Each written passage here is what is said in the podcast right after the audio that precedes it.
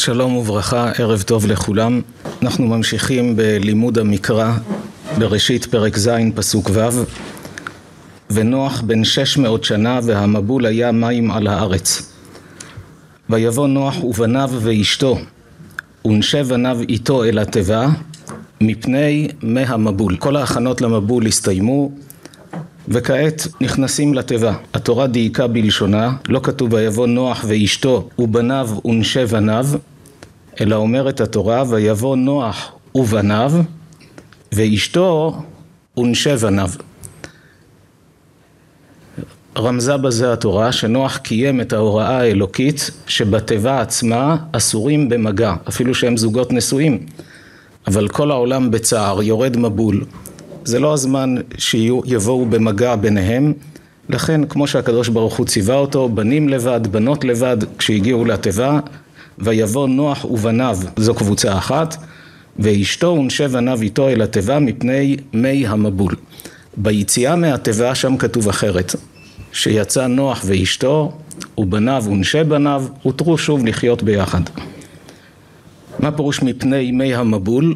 ראה שהמים מתחילים לעלות. ראינו כבר ששבעה ימים הקדוש ברוך הוא הוריד מים, מי גשמים שלא היו בעוצמה של מבול, אבל מים לא שגרתיים, ירדו כמויות של מים. אבל אם היו מתעוררים ורואים נוח מאה עשרים שנה בונה תיבה והוא מזהיר אותנו שעתיד לבוא מבול הרי בעיני בני אדם היה נראה תמוה, בן אדם בונה אוניית ענק ביבשה, אין שום ים באזור בשביל מה אתה בונה את האונייה הזו? ועושה לה גם גג, מה שאין בדרך כלל לאוניות.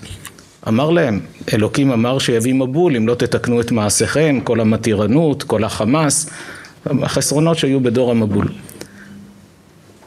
והקדוש ברוך הוא דרכו לא לתת מכה מיד, אלא קודם רומז לאדם. גם במישור הפרטי, אדם שרואה שהוא חוטף מכות קטנות מכמה כיוונים, צריך כבר להתעורר, אולי הקדוש ברוך הוא רוצה ממני משהו, ואם אני לא אתעורר אז חס ושלום הוא מעבה את הרמזים. אז כאן נתן להם את הרמז הזה של השבעת ימים, ראו שיורדים מים לא שגרתיים, אבל אם היו מתקנים את מעשיהם, כל המים האלה היו הופכים להיות גשמי ברכה, היו נספגים באדמה. אבל נוח רואה שהמים מתחילים לעלות, יורדים מים בלי הפסקה, ומגיע כבר לרגליים. זה מה שכתוב, שבאו אל התיבה מפני מי המבול, כלומר המים כבר התחילו להגיע. רש"י הביא את דברי חז"ל, שנוח עד הרגע האחרון היה מאמין ולא מאמין שאלוקים יוריד מבול. לא שהוא היה מאמין ולא מאמין שהקדוש ברוך הוא יכול להוריד מבול, ודאי שהוא ידע שהוא יכול. אבל הוא אמר לעצמו, ברגע האחרון הוא לא יעשה את זה. הוא לא ישמיד את כל האנושות, אחרי שהוא ברא את הכל הוא ישמיד את הכל, כנראה שברגע האחרון הוא יתחרט. אבל הקדוש ברוך הוא יש לו הנהגה, יש לו קו. הוא אומר, אני לא יחפוץ במות הרשע, כך יש פסוקים, כי אם בשובו מדרכו וחיה. אבל כשאין ברירה אז הוא גם מעניש. מן הבהמה הטהורה ומן הבהמה אשר איננה טהורה, בזה גם ראינו את דברי חז"ל, שהתורה לא רצתה להשתמש כאן במילה הטמאה, כדי ללמד אותנו להשתמש בתרבות דיבור כמה שיותר נקייה, רק שאין ברירה אז צריך להגיד, יש מקומות שהתורה אומרת זו חיה טמאה שאסור לאכול. אבל במקום שאפשר להשתמש במילים יותר עדינות, התורה לא משתמשת במילה טמאה, אלא הבהמה אשר איננה טהורה, ומן העוף וכל אשר רומס על האדמה, שניים שניים באו אל נוח אל התיבה, זכר ונקבה, כאשר ציווה אלוהים את נוח. מהבהמה הטהורה הגיעו שבעה שבעה, כדי שלאחר המבול הוא יוכל להקריב קורבנות כתודה להשם על ההצלה. כל אדם כשקשה לו בחיים ואחר כך ניצל צריך לחפש דרכים איך להודות לבורא עולם על החסד שעשה איתו.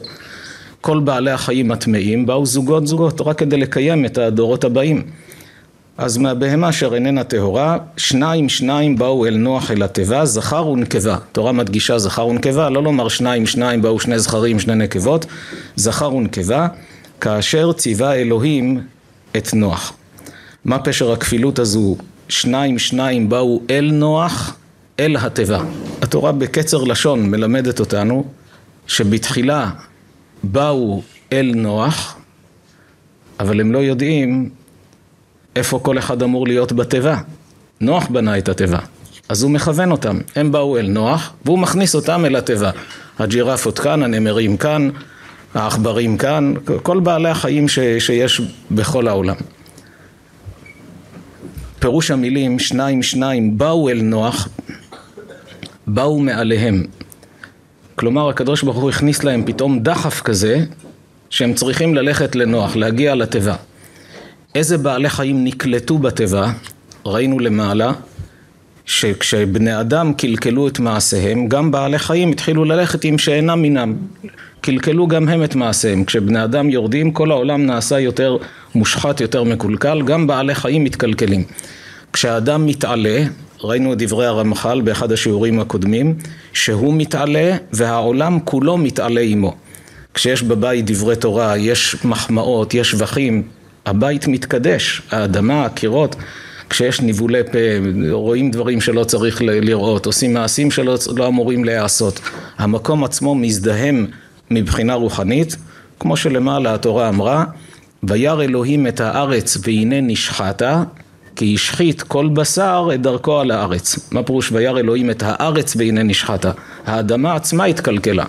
למה? כי השחית כל בשר את דרכו על הארץ. כשאנחנו מתנהגים שלא כראוי, המקום עצמו מזדהם, עושים דברים טובים, מקדשים את המקום, מרוממים אותו, מטהרים אותו, כמו שעושים חנוכת הבית, מקדשים את הבית ומטהרים אותו. וכך בכל השנה, כל יום, כמה אדם צריך להקפיד על שיח נקי בבית, על מחמאות, על שבחים, על אווירה טובה. היום אנשים קוראים לזה אנרגיות טובות, כל הדברים האלה הם לא מילים באוויר. יש כאן השפעה אמיתית שמשפיעה על המקום, משפיעה על האדם, על הריהוט, על החפצים. בתהילים כתוב אשרי האיש אשר לא הלך בעצת רשעים ובדרך חטאים לא עמד ובמושב לצים לא ישב. פסוק הראשון בתהילים. אומרים חכמים, מה זה ובמושב לצים לא ישב? לא כתוב ועם לצים לא ישב, זה ודאי שלא מתאים. לצים, הכוונה אדם שעושה צחוק מהתורה, עושה צחוק מבני אדם, לועג מכל, מכל דבר מכובד, זה נקרא לץ. אם לצים לא ישב זה ודאי, אלא מושב לצים, אשרי אדם שאפילו לא ישב במושב לצים, על כיסא שישבו עליו לצים, אפילו שהם הלכו. אבל אתה יושב על כיסא כזה שהתלכלך על ידי, מבחינה רוחנית, פעם היה קשה להבין את דברי חז"ל. היום מכירים את עולם החיידקים. אם היינו אומרים למדען, לפני שגילו את המיקרוסקופ, את המיקרוסקופ גילו בערך לפני 300 שנה, לפני כן, לפני 400 שנה. היינו מצביעים למדען על נקודה שחורה שנמצאת על השולחן ואומרים לו, אתה רואה את הנקודה הזו? תסתכל טוב. יש כאן מיליארדי יצורים שרצים, קופצים, מתקוטטים. הוא היה שולח את האדם הזה לאשפוז. היום יודעים, אתה מסתכל במיקרוסקופ, במים, בלכלוך, אתה רואה דברים, עולם שלם של יצורים, של חי שהודק, שנמצא שם בתוך העולם הזה. אז היום אתה יודע שהעין שלנו מוגבלת, אנחנו לא רואים קרינות, לא רואים חיידקים. בלי חיידקים עוד אפשר עם כלי עזר, קרינות גם עם כלי עזר אי אפשר לראות. כך גם כל דיני טומאה וטהרה, כל ההשפעות הרוחניות, ההשפעה שיש לתפילין על האדם, כמה חז"ל דיברו על כך שיהודי מניח תפילין, האור האלוקי נכנס לתוכו. אז זה דבר שהיום עם הכלים המדעיים של צילומי הילה, קצת התחילו לגלות משהו, רואים שצבע ההילה משתנה, החוקרים מאוד מתפעלים מזה, שיהודי מניח תפילין, צבע ההילה שלו משתנה, אישה טובלת במקווה ויוצאת, צבע ההילה שלה משתנה, זה אומר שהיא קיבלה שם אנרגיות בעוצמות. אז הם התחילו לגלות קצת את ההשפעות הרוחניות שיש על האדם, אבל ודאי שהדברים הרבה יותר עמוקים, הרבה יותר גבוהים ממה שהחוקרים היום גילו. כאן בעלי החיים שהיו נקיים, שמרו על עצמם, אותם שנזקקו לשאינם מינם, אלה לא באו לתיבה, נפסלו, כל אלה נמחו במבול. רק אותם בודדים ששמרו על עצמם, לא שלבעלי חיים יש בחירה, אבל הקדוש ברוך הוא לא רצה לקיים את הדור שאחרי המבול מאלה שקלקלו את מעשיהם, אפילו מהבעלי חיים. אז רק אותם בעלי חיים ששמרו על עצמם, מכל סוג של בעל חיים, שניים מהם זכר ונקבה, פתאום הרגישו דחף פנימי, הוראה אלוקית כזו. לך לנוח. נוח נמצא ליד התיבה, הגיע הזמן, והוא רואה בעלי חיים בהמוניהם, באים זוגות זוגות, פיל ופילה, ג'ירף וג'ירפה, אריה ולוויה, מהבעלי חיים הטהורים, הוא היה צריך ללכת ולהביא אותם. למה? מכיוון שהם לקח שבעה שבעה כדי שאחרי המבול יוכל לשחוט אותם. אז כדי להביא אותם בשביל להישחט, זה לא נתן הם הקדוש ברוך הוא שיבואו מעליהם. אתה רוצה אחר כך להקריב, תחפש אתה. והרי בעלי חיים טהורים זה כמו כבשה, כמו שור, דברים כאלה. מאלה הוא הביא שבעה, הוא הביא את השבעה שבעה. אבל מכל האלה שבאו להינצל, באו זוגות זוגות, זכר ונקבה כאשר ציווה אלוהים את נוח. התורה מדגישה כאשר ציווה אלוהים את נוח, הוא ציווה אותו לבנות תיבה, שבאו אל נוח אל התיבה זכר ונקבה כאשר ציווה אלוהים את נוח. כאשר אמר, כאשר סיפר, סיפר לו שיבואו. אבל כשרואים את הפסוקים למעלה, בהוראות שנוח קיבל, שם כתוב כך: הקדוש ברוך אומר לו שיבנה את התיבה ואני הנני מביא את המבול מים על הארץ בבשורה הראשונה שבישר לו לבנות תיבה ואני אביא את המבול ובאת אל התיבה אתה ובניך ואשתך ונשי בניך איתך גם כאן בנים לבד בנות לבד ומכל החי מכל בשר שניים מכל תביא אל התיבה להחיות איתך זכר ונקבה יהיו הוא אומר לו תביא איתך כשהוא אומר לו תבנה תיבה הוא אומר לו תביא איתך זכר ונקבה מכל בעל חיים. מה נוח היה צריך לומר לו? איך אני אביא? מאיפה אני אביא? אני יכול להביא מחיות מכל העולם? אבל נוח שתק, ויעש נוח, מה שאמר לו הקדוש ברוך הוא התחיל לעשות, התחיל לבנות את התיבה, התחיל לעשות. כשזה הגיע לידי ביצוע, ונוח באמת לא יודע איך זה יקרה, הוא רואה שבאים אליו מעליהם. יש כאן מוסר השכל גדול לאדם שמתעוררות אצלו שאלות על ההנהגה האלוקית. אלוקים אמר כך, איך זה יכול להיות שזה יקרה? כל מיני קושיות ותמיהות שיש לאדם במהלך החיים. כתוב שמי שעושה כך מרוויח כך, אז איך הנה עשיתי ולא הרווחתי?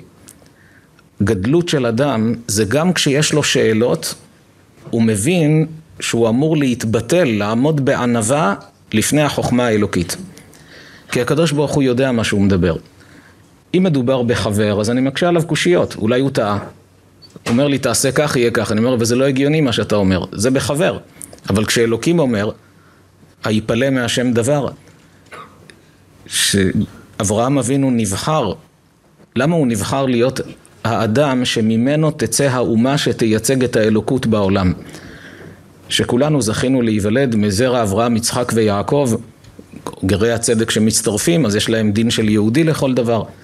אבל למה הוא בחר דווקא באברהם? אתם תהיו ממלכת כהנים וגוי קדוש, בנים אתם להשם אלוקיכם, בני בכורי ישראל, להיות יהודי זה, זה, זה דבר עצום. נשמה מסוג אחר, מה שהמקובלים מציינים, השכר בעולם האמת על תרי"ג מצוות זה אחרת, לא כמו גוי עם השבע מצוות. זכות גדולה, בחר בנו מכל העמים, למה? למה דווקא אנחנו? כי אברהם היה היחיד שעמד בעשרת הניסיונות. אחרים שניסה אותם, זה נפל בראשון, זה בשני, זה בשלישי. אברהם עמד בכל עשרת הניסיונות. הניסיון הראשון היה כבשן האש. נמרוד אומר לו, או שאתה משתחווה לפסל או שאני שורף אותך. אברהם היה צריך להרים את העיניים ולומר, ריבונו של עולם, אני לא מבין, מה אתה עושה לי? אני הולך אחריך, מפרסם את שמך בעולם, שאתה קיים, שיפסיקו לעבוד עבודה זרה. זה מה שמגיע לי עכשיו, שישרפו אותי באש? לא שואל שאלות. הוא אומר לנמרוד, אני מוכן למות על קידוש השם. השליך אותו לאש, ניצל. ראינו באחד השיעורים הקודמים, שיר השירים קצת דיברנו. אחות לנו קטנה, שזה אברהם אבינו, מה נעשה לאחותנו ביום שידובר בה, רוצים לזרוק אותו לאש. והקדוש ברוך הוא אומר, אם חומה יהיה איתן כמו חומה, נבנה עליו טירת כסף. לא, לא, לא ניתן לו שישרף, כסף לא נשרף באש. אבל אם דלת היא, פעם בפנים, פעם בחוץ, לא יציב, אחד כזה לא עושים לו ניסים, אם פעם איתי, פעם לא איתי, יש לו ספקות, נצור עליה לוח ארז, עץ ארז נשרף באש. ענה אברהם ואמר, אני חומה ושדי כמגדלות, אז הייתי בעיניו כמוצאת שלום, עשה הקדוש ברוך הוא שלום בין האש לבין הבשר, והאש לא שרפה את הבשר. הסתיים הניסיון של כבשן האש, יצא חי. עובר זמן, אומר לו הקדוש ברוך הוא, לך לך מארצך וממולדתך ומבית אביך אל הארץ אשר אראך, ואעשך לגוי גדול, ואברך גדל השמך, יהיה ברכה, אתה תהיה עשיר, יהיו לך ילדים, שם לא יהיו לו ילדים, אומר לו שם יהיו לך ילדים, אתה תתעשר. טוב, אברהם לוקח את אשתו, את המשפחה, צועדים לכיוון ארץ כנען. מגיע לארץ כנען, מארם נהריים, זה ליד הפרת והחידקל, אור כסדים, העיר של אברהם אבינו, מצאו את החורבות. יודעים היום איפה היה, אפילו מצאו בתים מאותה תקופה. מהתקופה של אברהם אבינו מצאו שם בתים. על פי הממצאים הארכיאולוגיים מייחסים אותם לתקופה של אברהם. מתחת לאדמה מצאו רחובות באור העתיקה. בספר הארכיאולוגיה התנ"כית הבאנו את התמונות שם. מצאו שם גם כבשן עם עצמות אדם, מה שמראה שהיו שורפים שם אנשים בכבשנים. מאוד מתחבר לדברי חז"ל על העניין של כבשן האש של אברהם. אברהם עזב את אור כסדים, הגיע לארץ כנען. מסע ארוך. מה אמור להיות עכשיו? עושר, נכסים, ילדים. רק הגיע לארץ, מה כתוב בתורה? ויהי רעב בארץ. אין מה לאכול. וירד אברהם מצרימה.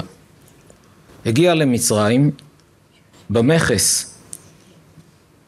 שומרי המכס ראו את שרה, יפת תואר ביותר. לפני כן אברהם אמר לה, אני יודע שאת אישה יפה, שם במצרים הם כולם רק בתאווה של נשים. הם יכולים, אם ישמעו שאני בעלך, הם לא ייקחו אשת איש. אז מה הפתרון? היו הורגים את הבעל ולוקחים את האישה.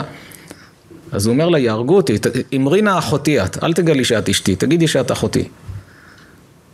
ראו אותה שומרי המכס, סיפרו לשרים, ויהללו אותה אל פרעה, ותוכח האישה בית פרעה. אברהם היה צריך להגיד, אני לא מבין מה קורה פה. הקדוש ברוך הוא אומר לי, יהיה לך ילדים, אתה תהיה עשיר. אני בא לאיפה שהוא אומר לי, אין מה לאכול. אני יורד למצרים, לוקחים את אשתי. זה היה עוד ניסיון, הניסיון השלישי היה שלקחו את אשתו. פרעה הוכה בנגעים, הצטער על זה, החזיר לו את שרה, נתן לו נכסים וסילק אותו ממצרים. עבר ניסיונות עד עקדת יצחק, הניסיון העשירי. מה הייתה הגדולה של אברהם?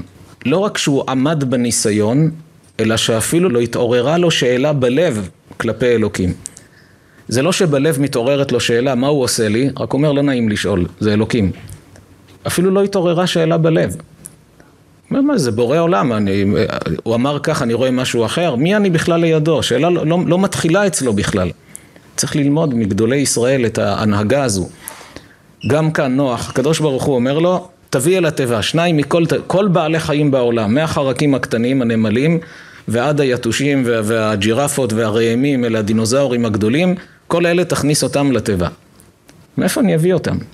הוא לא שואל, אפילו לא עולה לו שאלה בלב, הוא מתחיל לבנות תיבה, ואני סומך עליו. כשהגיע לשעת מעשה, רואים כאן בפסוק. לפני כן אמר לו, שניים מכל תביא אל התיבה. עכשיו שהגענו כבר למבחן המעשי, שניים שניים באו אל נוח אל התיבה, זכר ונקבה, כאשר ציווה אותו השם. לקיים את מה שציווה אותו השם, כבר הבעלי חיים עושים את זה לבד. כך גם ניקח דוגמה נוספת שרואים אותה בזמננו, נבואה שפעם הייתה נחשבת תמוהה, אבל אבותינו לא שאלו שאלות. בספר ירמיה כתוב שלפני ביאת המשיח אורונו ליעקב שמחה וצהלו בראש גויים, המלבים כותב שם שבפסוק הזה כתוב שלפני ביאת המשיח תהיה מדינה יהודית ועם ישראל יוביל בעולם בהרבה תחומים הוא לומד שם מהפסוקים שבתוך עם ישראל יהיה ויכוח בין דתיים ולא דתיים. מה שרואים היום, כדאי לראות שם את המלבים על הפסוק הזה, על רונו ליעקב שמחה וצהלו בראש גויים. הוא אומר שלכן כתוב יעקב מלשון עקב, ואחר כך כתוב הושע השם את עמך את שארית ישראל. מלשון שררה, כי בעם ישראל יש שני קבוצות שהתווכחו. שם הלשון שלו, באחרית ימי גלותם יוסר מעליהם השעבוד. כך הוא מדבר, שיהיה מדינה יהודית. במקום אחר הוא כותב, מוכיח מהפסוקים שירושלים תהיה שלנו והגויים יגידו היא לא שלכם, תחזירו לנו והוא מוסיף שזה מה שיגרום למלחמת העולם האחרונה בהיסטוריה, מלחמת גוג ומגוג, בין הנוצרים לבין המוסלמים. שיבואו נגדנו אבל יפרוץ יחסוך ביניהם והם יכו אלה באלה ואז יבוא משיח.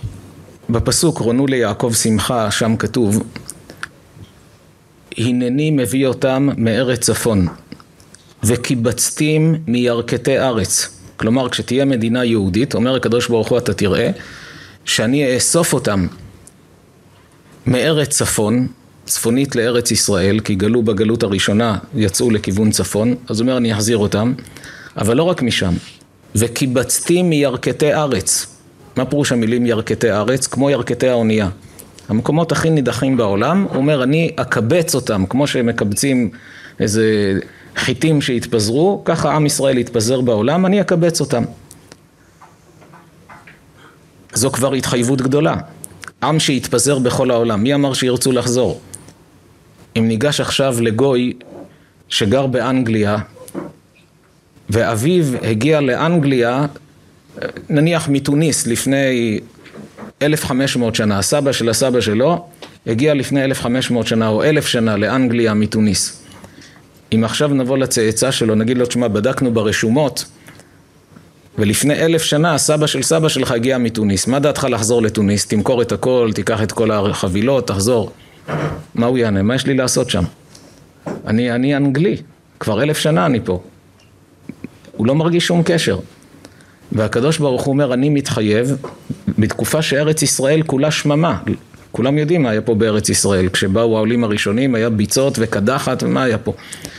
והקדוש ברוך אומר, אני מתחייב שהם יבואו, אני אקבץ אותם מירכתי ארץ, ואם לא די בכך, הוא מוסיף ואומר, בם עיוור ופיסח, הרע ויולדת יחדיו.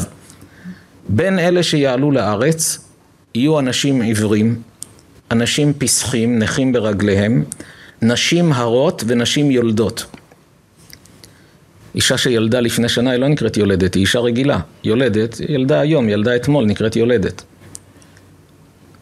המשותף לכל אלה, שהם אנשים שלא מתאים להם נסיעות ארוכות, בפרט בתנאי התחבורה של הימים ההם, עם גמלים וחמורים, אתה מדבר על ירכתי ארץ. הוא אומר כשיעלו לארץ, לא רק הבריאים יעלו, גם העיוורים, בקושי יוצא מהבית בזמנם העיוור. גם הוא יעלה לארץ ישראל. נכים ברגליהם, אפילו היום נכה, קשה לו להתנייד. אפילו שיש רכבים. לא קל לו לנסוע ממקום, ברוך השם, יש טכנולוגיה שמסייעת, אבל אז איך? אישה הרה, היא תסכים לצאת למסע מירכתי ארץ לארץ ישראל? יולדת, ילדה אתמול, היום, לפני שבוע, איך היא תצא למסע? והקדוש ברוך הוא אומר, אתם תראו, כשאני אאסוף את עם ישראל, גם הם יבואו. הוא ממשיך וכותב, הוא מסביר איך זה יקרה, הוליכם בדרך ישר, לא ייכשלו בה. הוא אומר, אל תדאג. בדרך כלל כשאנשים הולכים במסלול שיש מכשולים, אז עלולים ליפול, בפרט עיוורים, נכים, נשים הרות, יולדות, לא מתאים להם. יש הרים, יש גאיות, יש נחלים. הוא אומר, אבל כשאני אביא אותם לארץ ישראל, הם יבואו בדרך ישר. אבותינו לא שאלו שאלות איך יכול להיות. הרי מי שקורא את הפסוק הזה מיד שואל את עצמו, איך זה יקרה? זה לא הגיוני. בשמונים השנים האחרונות, שבעים שנה, עם ישראל מכמה עשרות אלפים שהיו פה בארץ, הגענו לשמונה מיליון יהודים בארץ ישראל, פחות או יותר. הקדוש ברוך הוא קיים את מה שהוא הבטיח. נתן קצת שכל לבני אדם, פיתחו מטוסים. מתי? בדיוק בתקופה שלפני שעם ישראל צריכים לעלות לארץ. למה פיתחו מטוסים? כדי שאנחנו נצא לטיול בחוץ לארץ? כדי שיהודים יעלו לארץ ישראל. דרך האוויר זוהי דרך ישרה, הוליכם בדרך ישר לא ייכשלו בה. ומי יוצא מהמטוס? כשהמטוס נוחת, לא רק אנשים בריאים. יש סרטים מקום המדינה, רואים מי יוצא. עיוור, פיסח, הרי, יולדת, כל אלה יורדים מבטן המטוס. אבותינו לא שאלו שאלות, אבל כשמגיע הזמן, הקדוש ברוך הוא מראה אחד לאחד איך הוא מקיים כל מה שהוא אמר. לפעמים אנשים שואלים, תמיד אחרי שזה קורה אתם מביאים נבואות, אולי תגידו משהו על העתיד. אז אם מדברים על תעופה אווירית, נאמר גם משהו על העתיד. שכמו שאז דברים נחשבו הזויים, והיום רואים שהם מתקיימים, יש לנו נבואה שכל התעופה האווירית של היום, כל המטוסים הכי משוכללים שיש, הם פרימיטיביים לחלוטין ביחס לתעופה האווירית שתהיה בעתיד. כל המטוסים הכי חדישים שיש היום, יבוא יום שהם יהיו במוזיאון ואנחנו נסתכל ונגיד איך פעם אנשים לקח להם כל כך הרבה זמן להגיע לארצות הברית. היום כולם מתפעלים, 12 שעות בניו יורק, 15 שעות בלוס אנג'לס, פעם זה היה כמה שנים. שלמה המלך היו לו אוניות שהביאו זהב, לדעת דוקטור הדסה מלמד, הם הביאו זהב מאמריקה, מה שכתוב בתנ"ך, הוא הכיר את יבשת אמריקה לפני קולומבוס, ומשם הוא הביא זהב, שלוש שנים ארך להם המסע. כדי לנסוע לשם ולהביא זהב ועוד כל מיני עניינים. אז היום זה נראה 12 שעות, נשמע מצוין, אבל יש לנו נבואה שכל העניין הזה יהיה פרימיטיבי לחלוטין. זה כתוב על הפסוק, והיה מדי חודש בחודשו, ומדי שבת בשבתו, יבוא כל בשר להשתחוות לפניי, אמר השם. כשיבוא משיח, יהיה בית המקדש בתפארתו, המסגד שיש שם היום ייעלם, בפרקי דרבי אליעזר, הוא חי 400 שנה לפני מוחמד להבדיל, בפרקי דרבי אליעזר כתוב שעתידים בני ישמעאל לבנות את מקום תפילתם במקום המקדש. זה אמר רבי אליעזר בן אורקנוס, רבי אליעזר הגדול, שחי בסוף ימי בית שני, 400 שנה לפני שמוחמד נולד בכלל. כך הוא כותב, עתידים בני ישמעאל, שיבנו במקום של המקדש את בית תפילתם. אז כשרואים את זה היום לא צריך להיבהל, לדעת שזו נבואה, וכמו שזה יתקיים, גם הנבואה שזה יתחלף ובית המקדש ינחת במקום, גם זה ודאי יתקיים. הנבואות שנאמרו על העתיד, היום הן נראות שבעבר, ניכנס לראש של העבר, קשה להבין איך אנשים חיו איתם.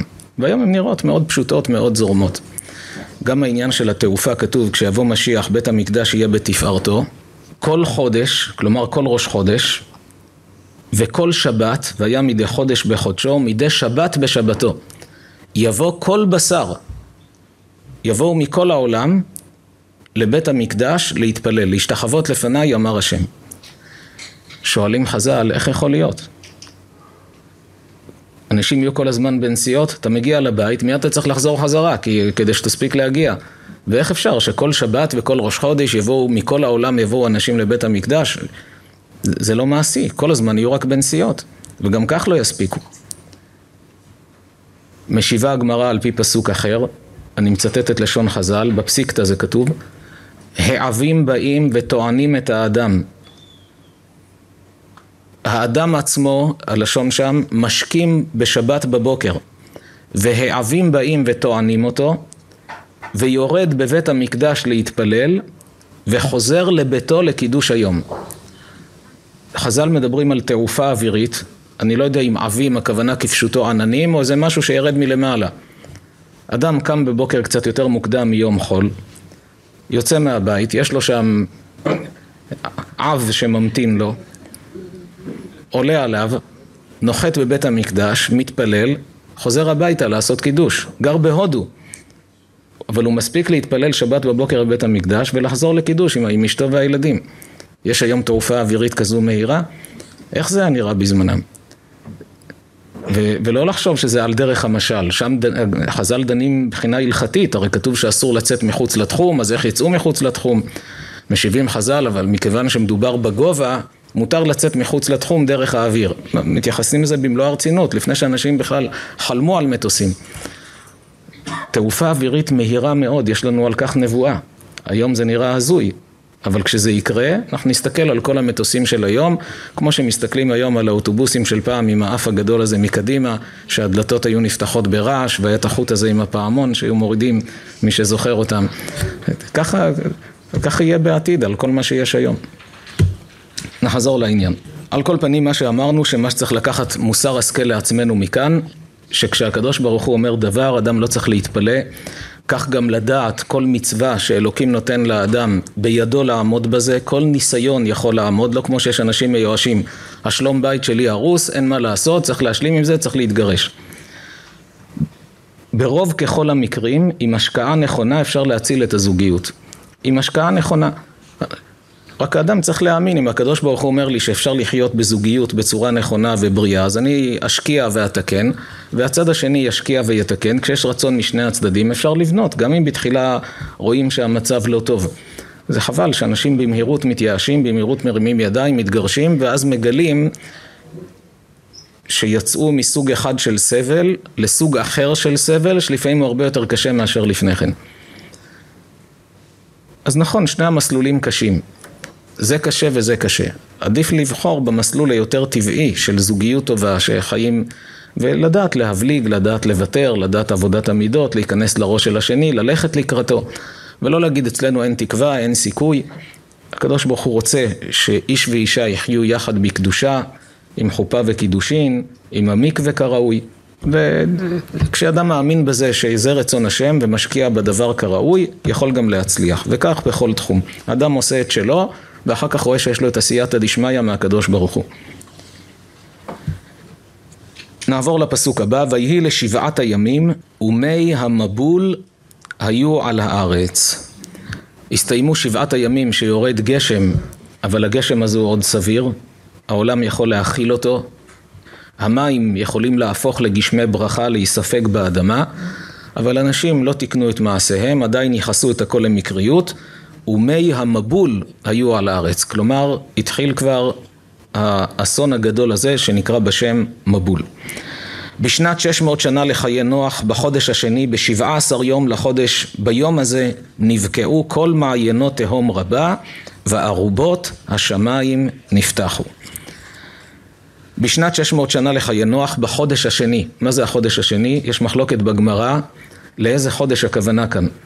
האם החודש השני ממניין החודשים שבתורה, החודש הזה לכם ראש חודשים, זה נאמר על ניסן.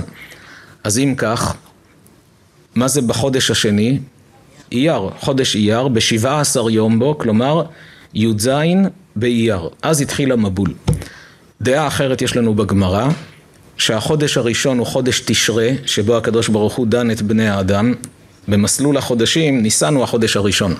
אבל לנו בני האדם, המחזור של הדין שהקדוש ברוך הוא דן את האדם, מה יהיה איתו בשנה הבאה, זה מתשרה ועד תשרה. כי ביום הזה נברא האדם הראשון, אז בו דנים את, את המין האנושי. אז לפי הדעה השנייה בגמרא, החודש השני, שני מתשרה. כלומר, חשוון. י"ז בחשוון לפי הדעה הזו. ביום הזה נבקעו כל מעיינות תהום רבה, וארובות השמיים נפתחו. לפי הסדר שכתוב כאן, מה, מה קרה ראשון? לא שקודם ירדו גשמים עזים של מבול ואחר כך נבקעו מעיינות תהום רבה, אלא הפוך. קודם כל נבקעו מעיינות תהום רבה. ואחר כך ארובות השמיים נפתחו. מה פירוש המילה ארובה? ארובה זה חלון. חלונות השמיים נפתחו. כלומר התחיל לרדת גשם בעוצמה, כאילו שנפתחו חלונות ומשם חביות חביות נשפכות על ראשים של בני אדם. אם נתאר בסיכום את מה שהיה בזמן המבול, מה, מה אנשים חוו באותו הדור? רואים את נוח 120 שנה בונה תיבה, לא מתייחסים. אומר להם תתקנו את המעשים, המתירנות הזו. כתוב שלא נחתם דינם על המבול, אלא רק אחרי שכתבו שטרי כתובה בין גברים לגברים. כשנכשלו אחד עם השני פה ושם, על זה הקדוש ברוך הוא עוד ערך אפיים. וכשהתחילו לחתום שטרי כתובה, לעשות את זה חוקי, רשמי, על זה נחתם המבול, בין גבר לגבר, זה נגד רצון השם. ותמלא הארץ חמאס, גילוי עריות, אשת איש, גניבה, כל זה גרם 120 שנה שלא הייתה ברירה. הקדוש ברוך הוא החליט למחות את האנושות ולהתחיל משהו חדש. זה כמו שאדם שיש לו שדה שמנסה להציל מהקוצים, כי יש לו שם כמה פרחים, רואה שאין ברירה, זורק גפרור, שורף הכל, עכשיו אומר נשתול שתילים מחדש, נבנה את הכל. זה מה שהיה במבול. הסטייפלר כותב, אביו של רב חיים קנייבסקי, שזה גם מה שקרה בשואה, שהיה התבוללות נוראה לפני השואה, והיה קלקול גדול בעם ישראל, והקדוש ברוך הוא כמו זרק גפרור. אמנם זה לא, זה לא רק, היו גם צדיקים גדולים שנספו במבול, ילדים שנספו בשואה, אבל את זה הסבירו כבר על פי כל העניין של גלגולי נשמות, שזה נושא בפני עצמו.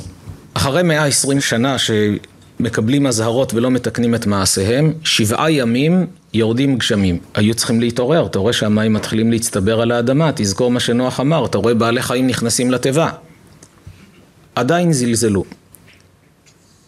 כשהגיע הרגע, קודם כל נבקעו מעיינות תהום רבה.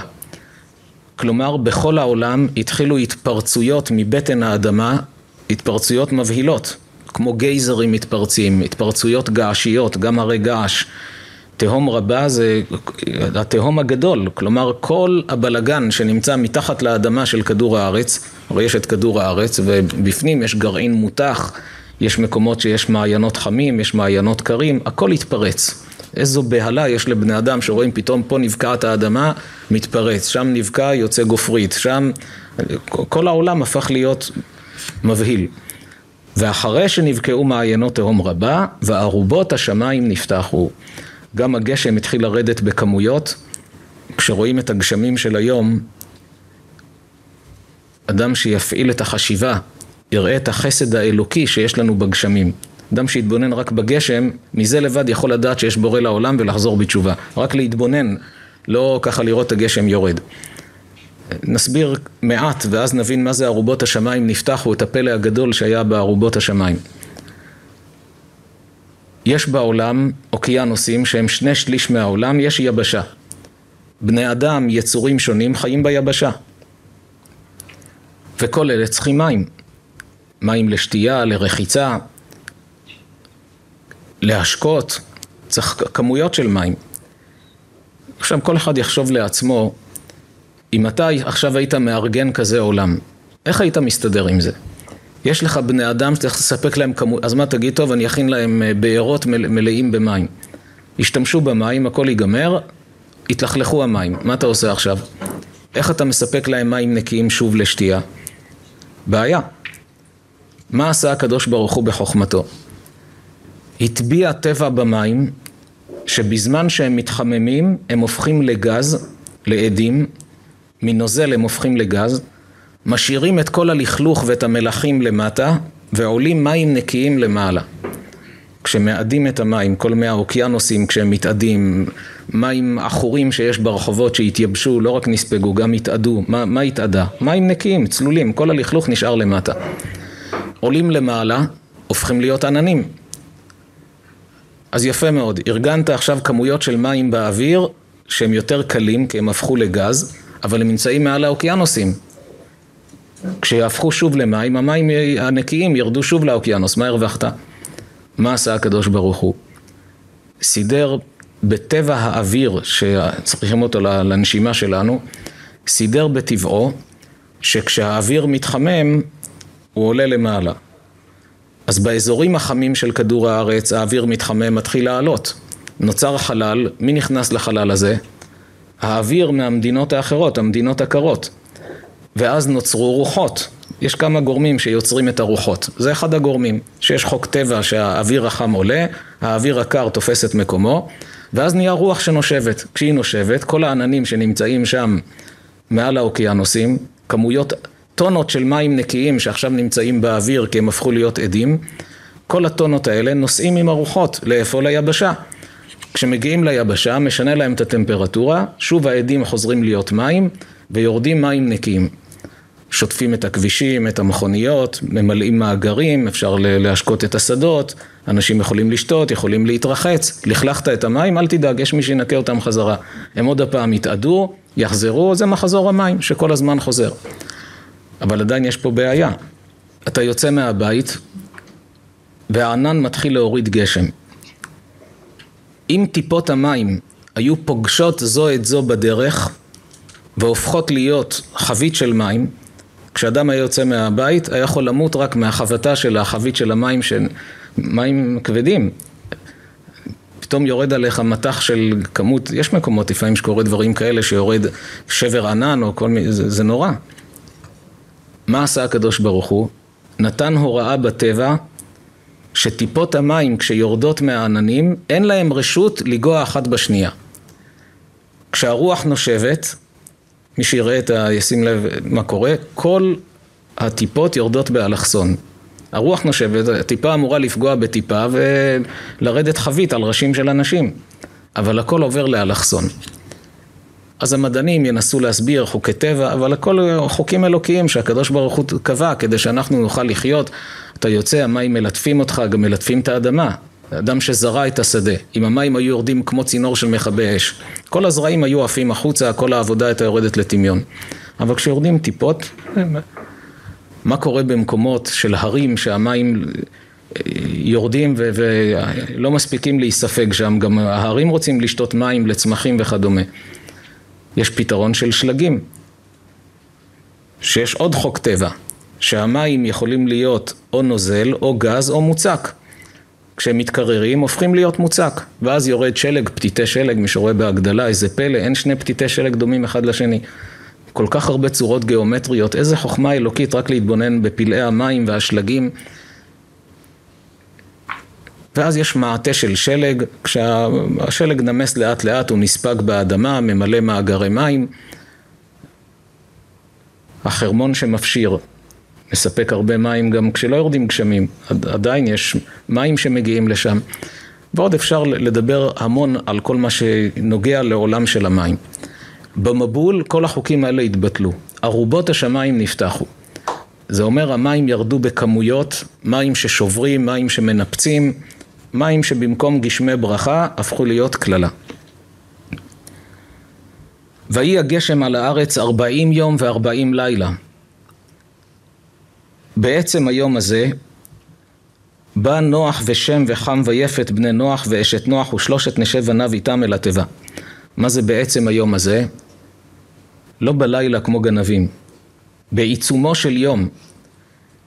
חז"ל אומרים שאנשים אמרו לנוח אם באמת יקרה דבר כזה שירד מבול, אתה חושב שניתן לך לברוח לתיבה ולהינצל? אנחנו נשבור את התיבה, אנחנו נהרוג אותך, לא נוותר לך. אז נוח היה צריך להיכנס בחשכת הלילה מתוך פחד. אבל הוא לא עשה את זה, אומר לו הקדוש ברוך הוא, אני מגן עליך. בעצם היום הזה, שכולם יראו שאתה נכנס והם לא יכולים לעשות לך שום דבר. בא נוח ושם וחם, כאן התורה הזכירה את שמותיהם, למעלה כתוב נוח ובניו, ושלושת בניו. כאן התורה ציינה את שמותיהם כי זה מאורע היסטורי, מהם כל האנושות יצאה אחר כך. אז הקדוש ברוך הוא מודיע מראש, תדע, מי שניצל זה נוח ושם וחם ויפת בני נוח ואשת נוח ושלושת נשי בניו איתם אל התיבה. המה וכל החיה למינה וכל הבהמה למינה וכל הרמס הרומס על הארץ למינהו וכל העוף למינהו כל ציפור כל כנף. ויבואו אל נוח אל התיבה שניים שניים מכל הבשר אשר בו רוח חיים והבאים זכר ונקבה מכל בשר באו כאשר ציווה אותו אלוהים ויסגור השם בעדו. למה צריך שהקדוש ברוך הוא יסגור בעדו? כמה סיבות. סיבה אחת, נוח לא יודע מתי לסגור את דלת התיבה. נכנסו בעלי חיים. אני יכול לדעת אם אין איזה חרק שעדיין לא נכנס, אני אסגור את הדלת, מה יהיה? הוא יישאר בחוץ. נוח לא יודע מתי לסגור.